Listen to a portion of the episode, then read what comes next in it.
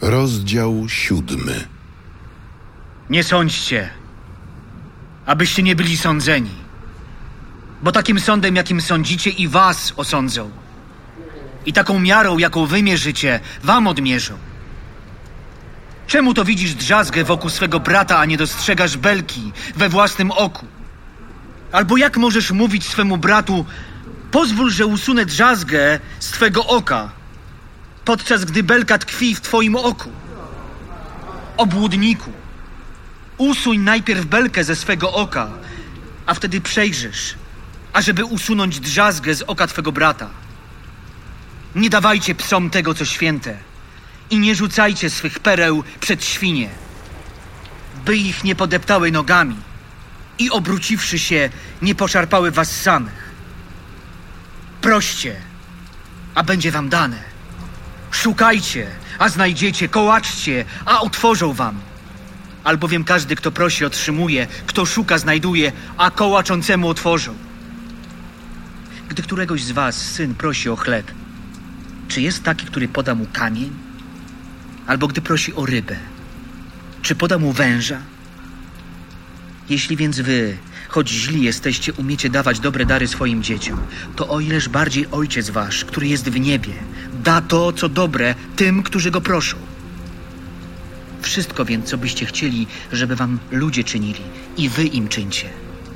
Albowiem to jest istota prawa i proroków. Wchodźcie przez ciasną bramę, bo szeroka jest brama i przestronna ta droga, która prowadzi do zguby, a wielu jest takich, którzy przez nią wchodzą. Jakże ciasna jest brama i wąska droga, która prowadzi do życia, a mało jest takich, którzy ją znajdują. Strzeżcie się fałszywych proroków, którzy przychodzą do was w owczej skórze, a wewnątrz są drapieżnymi wilkami. Poznacie ich po ich owocach. Czy zbiera się winogrona z ciernia, albo z ostu figi? Tak każde dobre drzewo wydaje dobre owoce, a złe drzewo wydaje złe owoce. Nie może dobre drzewo wydać złych owoców, ani złe drzewo wydać dobrych owoców.